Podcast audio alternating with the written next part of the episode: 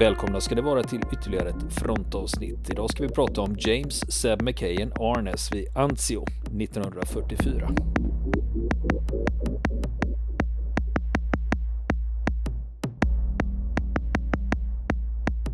Ja då Niklas, eh, det är ju Zeb McKayen eller James Arnes vi pratar om nu. Mm. Och han har ju blivit ivägskickad för han blev ju sårad. Och han fick underbenet eh, svårt sargat med en skelettskada där.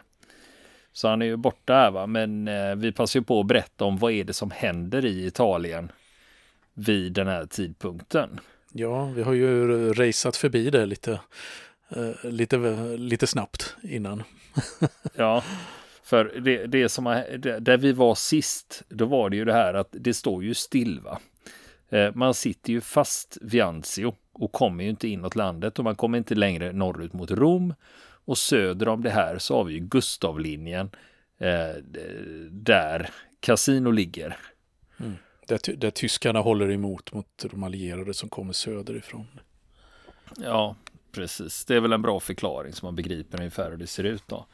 Och just vid Casino, där är det 28 allierade divisioner som har samlats för att göra den, en offensiv. Och när det gäller flygplan, artilleri och pansar så har man tre gånger fler än vad tyskarna har. Och de allierade har 240 000 man, tyskarna har 140 000 man. Men så har vi ju det här med att det är mest kostsamt att anfalla jämfört med att försvara. Och det är då den 11 maj som de allierade inleder den här stora offensiven. Och då ska vi kanske säga om ni googlar på det här när det gäller liksom slaget vid eh, Monte Cassino så är ju det här egentligen fjärde slaget.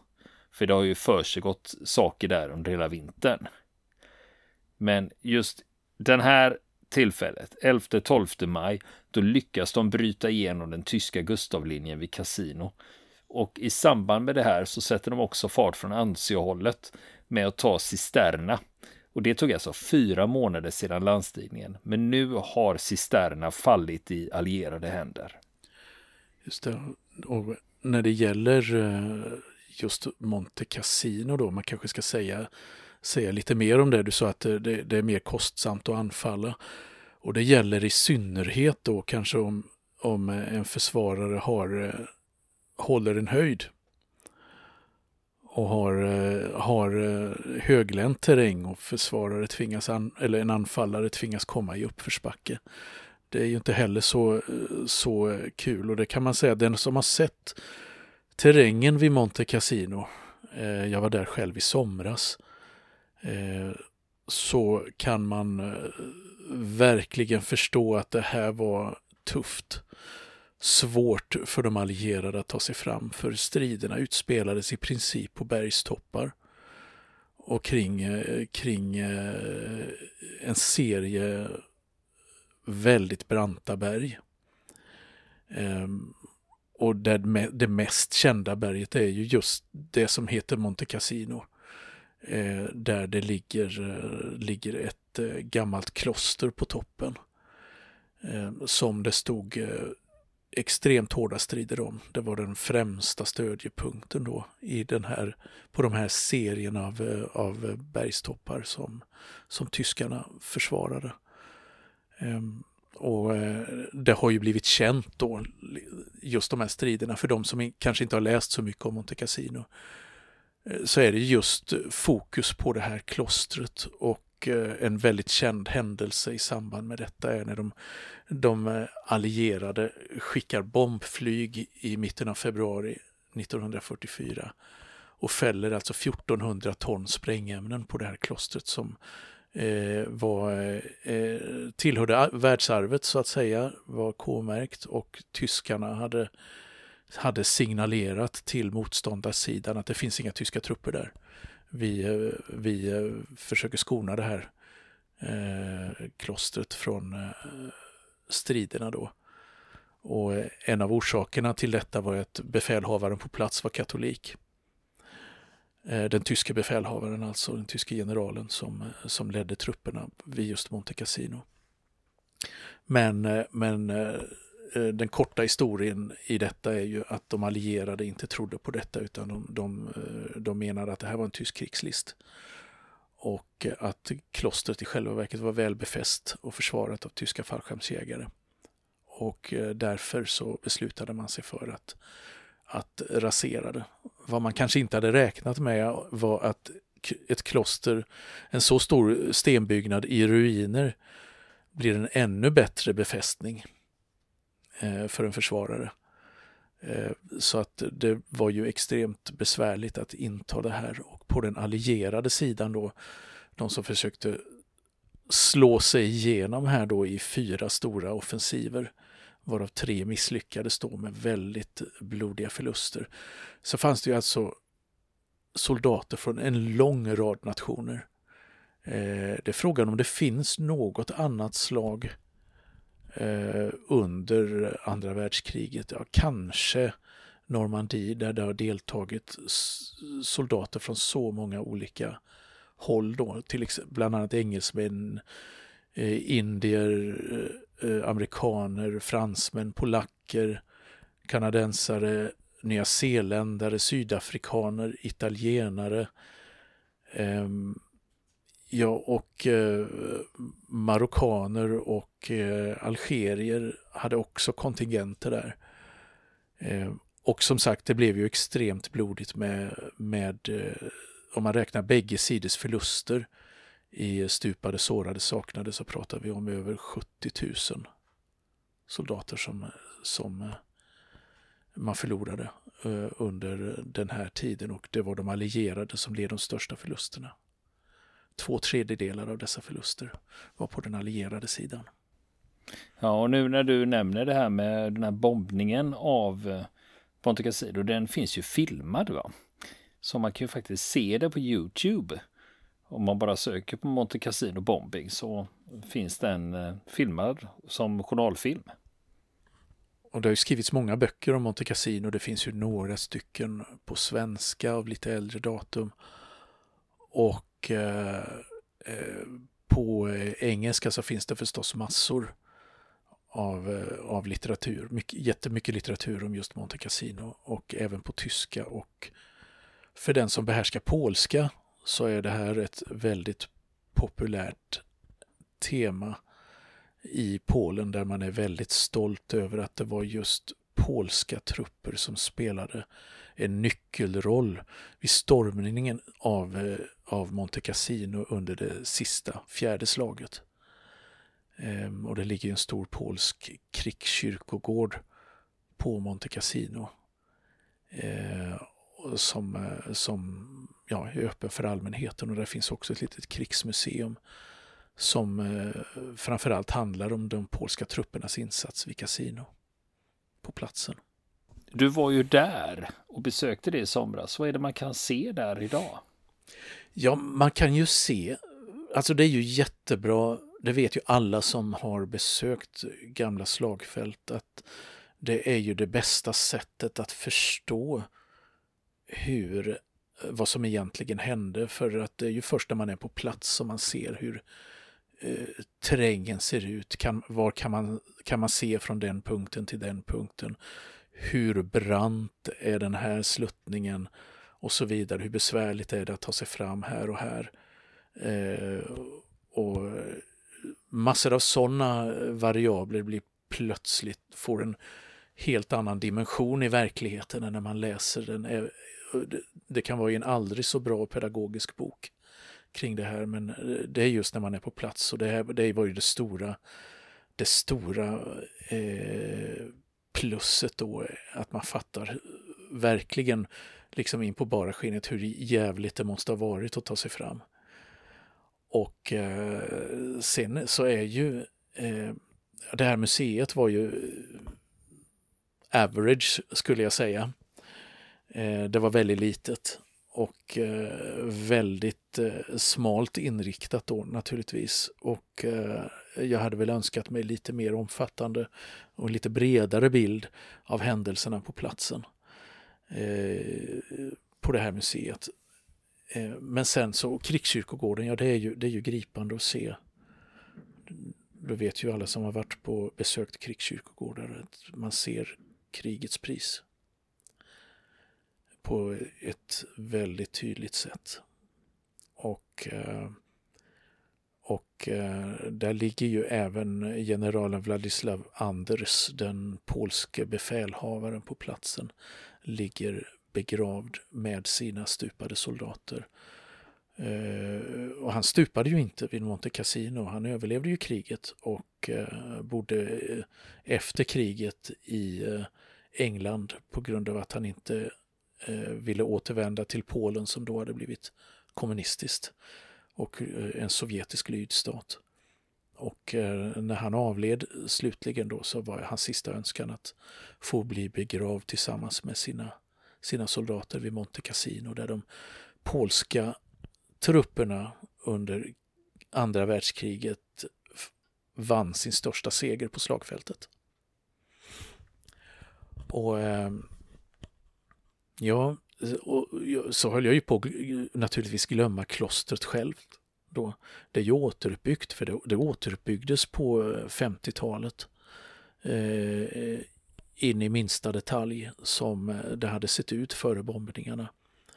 Eh, och eh, det, bara det är en, eh, ett fantastiskt besök kan jag säga och se hur den här eh, platsen ser ut alltså och eh, Eh, ett kloster som har sina rötter i, i eh, under århundradet strax efter Västroms fall. Och då är vi ju långt tillbaka i tiden. Och som har, har varit oavbrutet ett kloster eh, ända sedan ända sedan eh, ja, 500-600-talet.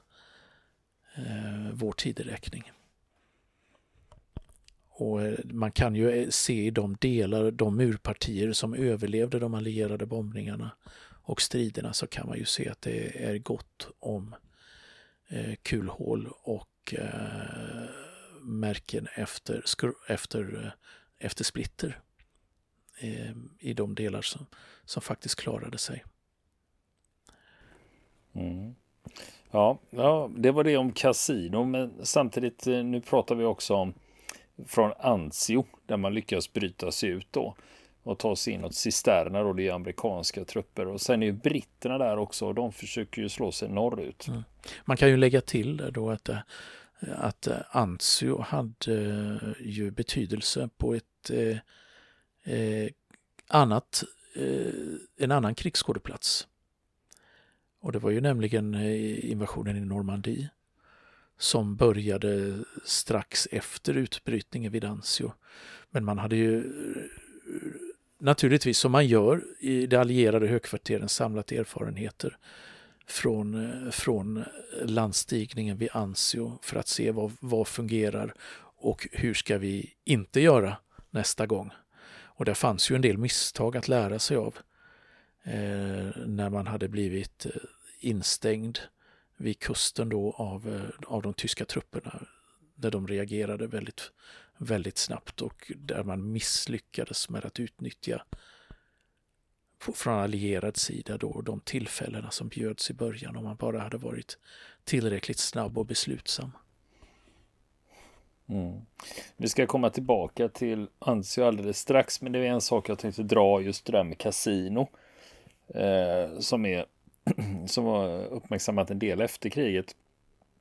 Och det var att det skedde en hel del krigsbrott där omkring efter slaget om Monte Cassino och det var från allierade förband, västallierade alltså. Och det var marockanska soldater under fransk flagg som betedde sig enormt svinaktigt mot både tyska soldater och framförallt mot den italienska civilbefolkningen. Där det skedde många övergrepp där de drog fram och, och alltså rena krigsbrott. Det var ju stölder, mord och våldtäkter. Eh, och det var så illa att det uppstod ett uttryck i Italien vid den här tiden när de drog fram. Det var att man blivit marockaniserad eller marockinate på italienska och det betyder att man har blivit våldtagen av en marockan. Och eh, de som gjorde sig skyldiga till det här de kallades för gomiers. Det var ett ganska löst sammansatt eh, marockanska förband. Och de stred ju som sagt under fransk flagg då. Och det, det alltså handlar om tusentals offer bland civilbefolkningen. Eh, det var en lyssnare som hade hört av sig och undrade om vi inte skulle ta upp västallierade krigsbrott under andra världskriget. Och det, det förekom ju, eh, precis som i alla krig. Va? Men, eh, men om man då ska eh, jämföra och liksom i vilken omfattning snackar vi här liksom. Så det var ju ändå inte den omfattningen och den systematiserade grymhet som tyska förband uppvisade. Eh, till exempel i, när de härjade i österled. Och sen då om man jämför med Röda armén, när de drog fram eh, västerut, eh, vad de krigsbrotten de gjorde sig skyldiga till. Så liksom om man ska eh, liksom försöka pussla in det här i någon form av skala så rör vi oss i olika divisioner liksom. Ja, precis, precis. Men det som sagt, det är ju det, de allierade krigsbrotten är ju en ganska okänd historia för många. Eh, så det, det, är ju bra pekat, påpeka att det faktiskt hände på båda sidor. Även om omfattningen var, ja, proportionerna var extremt eh, olika. Ja, det finns till och med, vill man fördjupa sig mera i det här så finns det ju en eh, Wikipedia-sida faktiskt på engelska då som handlar om eh, allierade krigsbrott under andra världskriget om man vill fördjupa sig i det. För det förekommer lite, lite på lite olika fronter där. Men eh, om vi ska tillbaks till eh, själva krigföringen här nu så har de allierade brutit igenom Gustavlinjen och på väg norrut och från Anzio är de landstigna förbanden på väg inåt landet. Och den 26 maj så sammanstrålar de längs med väg 7, alltså den här Via Appia jag har nämnt flera gånger. Och om man då tänker sig att det är 26 maj och redan den 4 juni, då befrias Rom. Eh, och det är ju inte så långt emellan och det är ändå en bit att ta sig. Men nu hade ju tyskarna och italienarna redan 1943 deklarerat att Rom var en öppen stad. Och det gör man alltså för att det inte ska bli några stridigheter i staden. Så staden togs utan strid. Och det här med öppna städer, har du några mera exempel på det när man har deklarerat en stad öppen för att man vill, det var ju det att man ville spara den, man ville inte liksom ha det här med gatustrider och bombningar. Ja, det finns ju, det finns ju, eh, alltså det är ju i Haagkonventionen så att säga, som, eh, som det här, här är reglerat då med öppna, öppen stad så att säga. Eh, där, där, man lämnar, lämna vägen in i staden öppen då, så att fiendens styrkor kan besätta den utan strid då, just för att det ska, man ska bespara eh, civilbefolkningen eh, död och förödelse då. Och det är väl framförallt också när det gäller kulturarv som det har spelat roll. Ehm, om man ska vara riktigt krass då, att det har varit, varit mer det än just människoliv som har varit, som har varit grejen. Och eh, Eh, det finns ju flera exempel i historien, om man nu ska begränsa sig till andra världskriget, så gäller det bland annat Paris 1940 eh, när den tyska trupperna invaderade Frankrike. Ehm, då eh, gjorde den franska militärledningen analysen att staden inte gick att försvara. Och då, då förklarade man Paris en öppen stad och eh, drog sig tillbaka därifrån. Och eh, Bryssel tror jag var samma sak också under samma fälttåg då, fast några veckor tidigare. Att när de tyska trupperna då närmade sig Belgiens huvudstad Bryssel så, så förklarades också Bryssel vara en öppen stad. Eh, av samma anledning. Och eh, sen då eh, faktiskt ett exempel från kriget i Stilla havet. Ehm, och Filippinerna så är det Filippi, Filippinernas huvudstad Manila förklarades av den amerikanska eh, av de amerikanska trupperna på, som försvarade Manila mot den japanska invasionen. Eh, också för att vara en öppen stad. Eh, därför, att, eh, därför att staden då hade eh, Eh, förlorat sitt strategiska värde när det ändå höll på att gå åt skogen då för amerikanerna på, på ögruppen där. Och eh, jag tänker om det finns någonting mer. Ja, det finns ju en kontrovers om, eh, om Belgrad. Också 1941. Eh, den tyska invasionen av eh, Balkan i våren 41 eh, så förklaras Belgrad som en öppen stad om jag minns rätt. Men detta struntade då tyskarna i och genomförde ändå en bombräd mot staden då som ledde till väldigt många civila dödsoffer. Och eh, det blev sen grund till krigsförbrytarrättegångar på, eh, på Balkan i forna Jugoslavien efter andra världskrigets slut. Ehm, då en general, tysk general som heter Alexander Lör dömdes till döden och avrättades bland annat på grund av att han bara ansvar, ansågs bära ansvar för den här bombräden som Luftwaffe genomförde i april 41.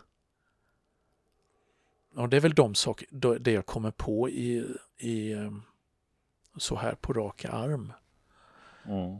För vi gjorde ju avsnitt eh, för länge sedan. De går ju fortfarande att hitta, alla våra avsnitt ligger ute. Vi gjorde en som hette Officeren som försökte rädda Le Havre. Och det var ju efter landstigningen 1944 så skulle man ju britterna ta den franska staden Le Havre som var ockuperad av tyskarna. Och då var det en officer som faktiskt vägrade lyda order och delta i eh, det här anfallet mot Le Havre. För han tyckte det, de sitter där de sitter, det vill bara låta dem vara. Det är ingen idé att vi bombar sönder staden och går in och krigar och det dör massa civila. Eh, men han hamnade i fängelse för det och Le Havre jämnades ju med marken, mycket riktigt. Och då, då, då diskuterar vi också liksom hur man gjorde sen längs med den franska, franska kusten med de andra städerna. Eh, och en del städer lät man ju helt enkelt vara istället. Eh, man sket i dem helt enkelt. Man visste de är omringade, de kommer ingen vart, de sitter där de sitter. Så det kan man ju lyssna på, för där diskuterar vi de här ställningstagandena, hur man ska göra. Eh, men sen, jag, jag kommer att tänka på en annan grej. Eh, när vi pratar om Rom, öppen stad, säger man det till en filmvetare så går de i taket, för det finns en film som heter så. Eh, eh från 1945 av Roberto Rossellini. Eh, och den är inspelad, den ska utspelas 1944, men de börjar spela in den redan i januari 1945. Och utöver det att det är sånt här räknas som eh, riktigt bra film av Rossellini så är det så att Fellini var med och skrev manus till den här filmen. Så det är liksom inga amatörer som har varit med och gjort den här då. Så den är känd. Men det är mest filmvetarna som tittar på sånt. Det kommer, det fanns två andra exempel som jag kommer, eh, kommer upp i huvudet nu där man nog hade försökt förvandla två tyska städer till just öppen stad. Eh, eller i alla fall överlämna dem i fiendens händer. Eh, I ena fallet lyckades det, i andra inte. Och det ena fallet då, det, där man misslyckades, det var München i slutet av april 1945, alldeles i krigsslutet då.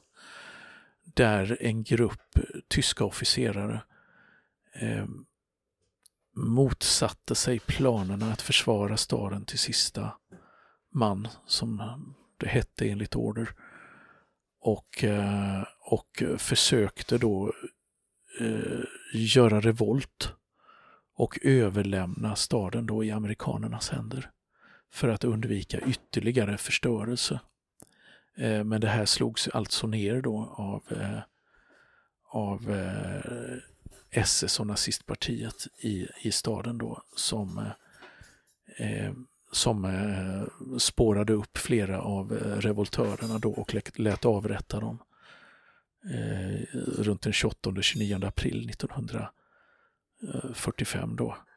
Det kallas för eh, Frihetsaktionen i Bayern. Men eh, det är en sån historia där det, där det inte gick så bra heller då. Och sen ett mycket mindre känt exempel det är Greifswald, den gamla svenskstaden eh, vid Östersjön, som alltså räddades från ödeläggelse därför att statskommendanten, en, eh, en överste som heter Rudolf Petershagen,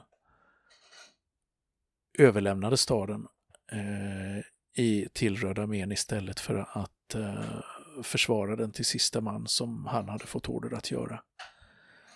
Eh, och därför så är eh, den gamla stadsbebyggelsen i Greifswald mycket mer välbevarad än den är i grannstäder som Anklam och Demin. Eh, som också hade tillhört då det svenska Pommern en gång i tiden för övrigt. Eh, men det var ju inte för att man lyckades förklara det till en öppen stad utan det var för att man faktiskt, eh, det var någon som faktiskt gick emot naziregimen och Hitlers order under de allra sista dagarna. Du, jag tänkte om vi ska gå tillbaka vad de här avsnittet faktiskt skulle handla om egentligen. Ja, vi har ju glömt James Arnes nu. Vi har glömt av James nu, Arnes. Nu har vi pratat om en massa händelser när han låg på sjukhus. Ja, precis. Han låg ändå på sjukhus, så det fanns inget att berätta. Eh, då kan vi passa på att prata lite om öppna städer och Greifswald och allt möjligt här. Va? Men om vi kommer tillbaka nu, det är ju fortfarande våren 1944. För under de här sakerna som vi berättar här, va, då ligger James Arnes på sjukhus i Tunisien. Och sen blir de lastade på tåg och så förs de till Algeriet. Och där får Arnes sen åka till USA med ett lasarettsfartyg.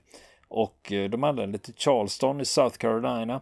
Och på sjukhuset i Charleston, då får han veta att de flesta soldater skickas till sjukhus i eller nära deras hemorter. Och Arnes skickas till Sheck General Hospital i Clinton och det är Iowa. Så han är inte riktigt hemma i Minnesota ännu. Va? Men där på det sjukhuset, där upptäcker de att han har fått en infektion i benet. Och det är ju långt ifrån ovanligt på den här tiden att man får infektioner av den här typen av skador och även med den läkarkonsten man tillämpar på den tiden. Och nu är det så här att 1944 då är penicillin ett ganska nytt preparat som man använder sig av. Alexander Fleming hade ju upptäckt penicillinet redan 1928, men det var först runt 1942 det gjordes större kliniska försök som bekräftade hur bra det var och sen efter det kom produktionen igång. Och i Sverige så skedde inte den första penicillinbehandlingen förrän 1944 på Sabbatsberg i Stockholm. Men när Arnes är i Iowa, då får han penicillin och tack vare det så räddar de benet på honom. För annars hade det blivit en infektion som hade spritt sig och en amputation. Va? Men den, eh, de lyckades få bukt med det. Och det märkliga är här att han fick ju gips på benet när han låg på evakueringssjukhuset, alltså i Anzio. Och eh, det hade han kvar i åtta månader. Eh, men det, det, skadade benet han har, det är, när det väl har läkt upp så är det två centimeter kortare än det friska. Så han får gå runt med inlägg för att inte snedbelasta ryggen. Och sen är det just det att musklerna i benet har ju förtvinat så ben, underbenet är hälften så stort som det andra benet. Och nu är det ju bara rehab som gäller då för att träna upp det här, va? även om man fortfarande har problem med smärtor. När Arnes ligger på sjukhuset i Iowa, då får han besök av sin bror Peter. Han är tre år yngre och har ganska nyss ryckt in i flygvapnet och han tillhör besättningen på ett bombplan, en B-25 Mitchell. Och eh, eh, det intressanta här är att brorsan Peter här, han blev också skådespelare i Hollywood, men valde efternamnet Graves. Alltså Peter Graves. Och det namnet kanske inte klingar bekant, men om ni kommer ihåg den gamla tv-serien Mission Impossible, eller På farligt uppdrag som den hette i Sverige, så är det han som spelar Jim Phelps, alltså han som har huvudrollen i Mission Impossible på den gamla tiden. Och det var han som var ledare för hela det här teamet också. Och han valde namnet Graves eh, för att inte blanda sig ihop med sin brorsa. För han tänkte det hade blivit lätt förvirrat i Hollywood när det fanns två Arnes då, en James och en Peter. Så det blev en James Arnes och en Peter Graves istället. Och det är faktiskt brorsan Peter som senare tipsar James om en utbildning han själv har gått på University of Minnesota. Det heter Radio Drama and Presentation. Men innan det är dags för studier för James Arnes del, man hade ju den här GI Bill, det vill säga om du hade deltagit som soldat så kunde du få betald universitetsutbildning. Och i december 1944 då skickas James till Colorado och är där sex veckor på rehab.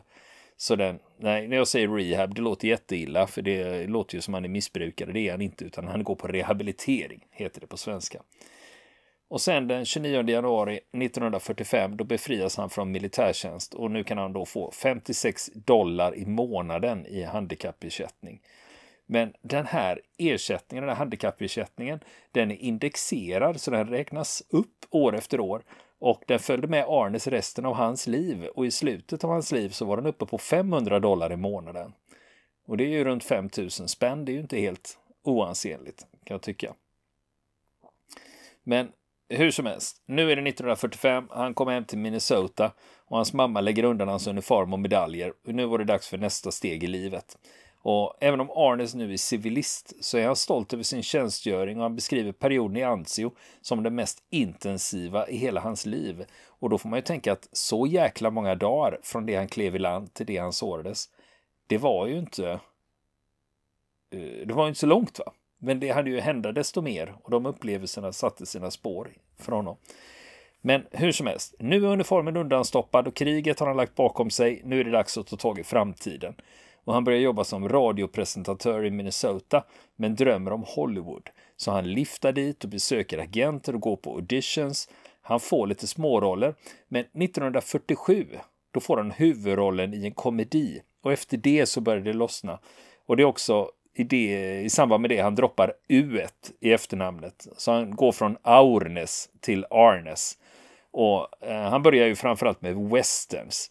Och han får kontrakt med John Waynes produktionsbolag och är med i fyra John Wayne-westerns. Och det är det som i sin tur leder till att han 1955 får huvudrollen som sheriff Matt Dillon i långköraren Gunsmoke, eller Krutrök som den heter i Sverige. En anledning till att han fick den här rollen som Matt Dillon, det var på rekommendation av John Wayne själv faktiskt. Och den här serien Gunsmoke, den, eh, den serien slog rekord för den sändes under 20 år, från 1955 till 1975. Och på den tiden var det rekord, men den har ju slagits sedan dess som massa serier som de här Law and Order med flera. Då. Eh, och sen efter eh, 75 så var det ju dags för den rollen som vi svenskar framför allt förknippar James Arnes med. Och det är som Zeb McKayen i familjen McKayen som den hette i Sverige.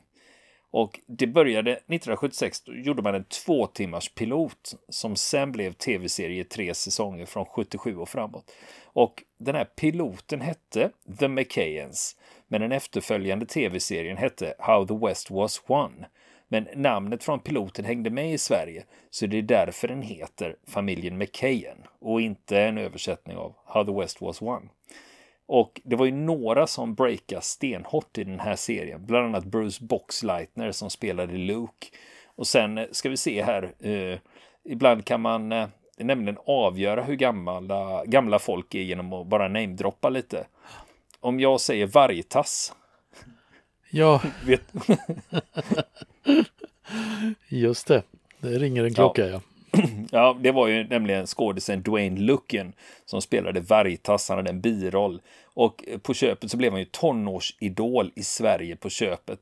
Men det var ju så att på den tiden alla tittade på samma tv-program, alla såg samma saker.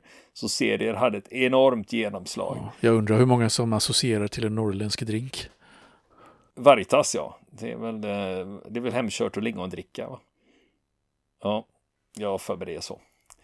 Eh, men hur som helst, eh, Zeb McKay då, som spelas av James Arnes. Eh, eh, eh, Zeb McKay är en fårad och erfaren trapper och spejare då. Han är en riktig karakar som vet hur man handskas med Winchester, gevär, Colt revolver och framförallt hans stora Bowie-kniv. Och kommer du ihåg det att vi i Frontens barndom så gjorde vi ett avsnitt om just Bowie-knivens historia? Just det, det minns jag. Så då nördar vi ner oss, vi måste ju ha nämnt Seb McKayen. Det måste vi ha gjort. vi får gå tillbaka och lyssna. Låt det bli. Det var till och med så att Hobbex sålde en Bowie-kniva på grund av det här. Liksom. Ja, just det. Storsäljare. Ja. Men så har vi ju det här med James Arnes och hans ben. De första två åren efter skadan då så haltade han rejält och sen minskade men han hade problem med smärta resten av livet. Och sen rent privat så hände det grejer för James. Eh, själv var han väldigt tillbakadragen. Han var inte mycket för det där med kändisliv och galer. Och det här på 70-talet då. Det är lite jobbigt därför. ett av hans barn från ett tidigare äktenskap, en tjej som heter Jenny, hon dör av en överdos 1975. Och två år senare så dör Jennys mamma, som heter Virginia, också det av en överdos. Så då är det två dödsfall. Men hon hade en historia av självmordsförsök, men ändå liksom trauma. Och sen 1978, då dör hans svärdotter i cancer. Så det var tre dödsfall i familjen inom några få år. Och det var ju särskilt tufft här då för James eh, son Rolf Aurnes, som han heter. Att inom loppet av några år så förlorar han sin syster, sin mamma och sin fru. Och eh, Rolf Aurnes, han är, eh, om man googlar lite på honom så är han känd för en sak själv, alltså inte det att han är James Aurnes son, utan det var att Rolf Aurnes, han blev världsmästare i surfning 1970. Det är hans stora bedrift här i livet. Men tillbaks till James Arnes. Tiden går ju här och han fortsätter ju med sin skådespelarkarriär. Och långt senare, när han kommer upp i åldern då, eh, sent 90-tal, då började han fundera över det där med medaljerna. Vad hände med dem liksom? Fick jag ut medaljer? Eller hur var det med det där? För han, han mindes inte riktigt. Han vet att han hade lämnat all utrustning och uniform hemma hos mamma i Minnesota innan han stack. Men han har inte en aning om hur det går. Så 1999, då är han 76 år och tänker så här att det vore bra att lämna dem vidare i arv till sina barn och barnbarn. Det är så att de liksom förstår min historia. Så han skickar in en ansökan till armén. Och i januari år 2000, då kommer Secretary of the Army. Det är alltså en politisk befattning som lyder under försvarsministern. Om man ska översätta det till svenska så borde ungefär arméminister vara rätt titel.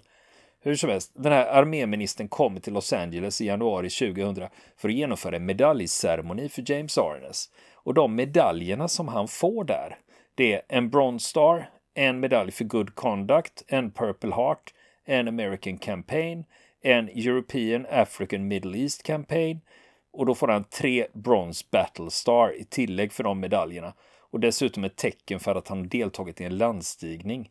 Och så får han också en World War II Victory Medal och en Combat Infantryman's Badge. Och det får han i ett medaljskrin då tillsammans med flaggan med 48 stjärnor. För under andra världskriget så hade ju USA 48 stater. Och sen, Arnes var ju till åren kommen och han avlider av hög ålder 2011 och då var han 88 år. Och det som hans gamla kollegor framförallt minns honom för är ett stort engagemang i olika välgörenhetsorganisationer och flera stora donationer till behjärtansvärda ändamål som han var väldigt engagerad i. Men för oss svenskar så kommer han alltid att vara Zeb McKayen. Vill ni komma i kontakt med oss så kan ni göra det via vår Facebook-sida som heter Fronten. Det är inga problem för er att leta er fram där. Eller också så mejlar ni på vår mejladress och det är frontenpodcast.gmail.com.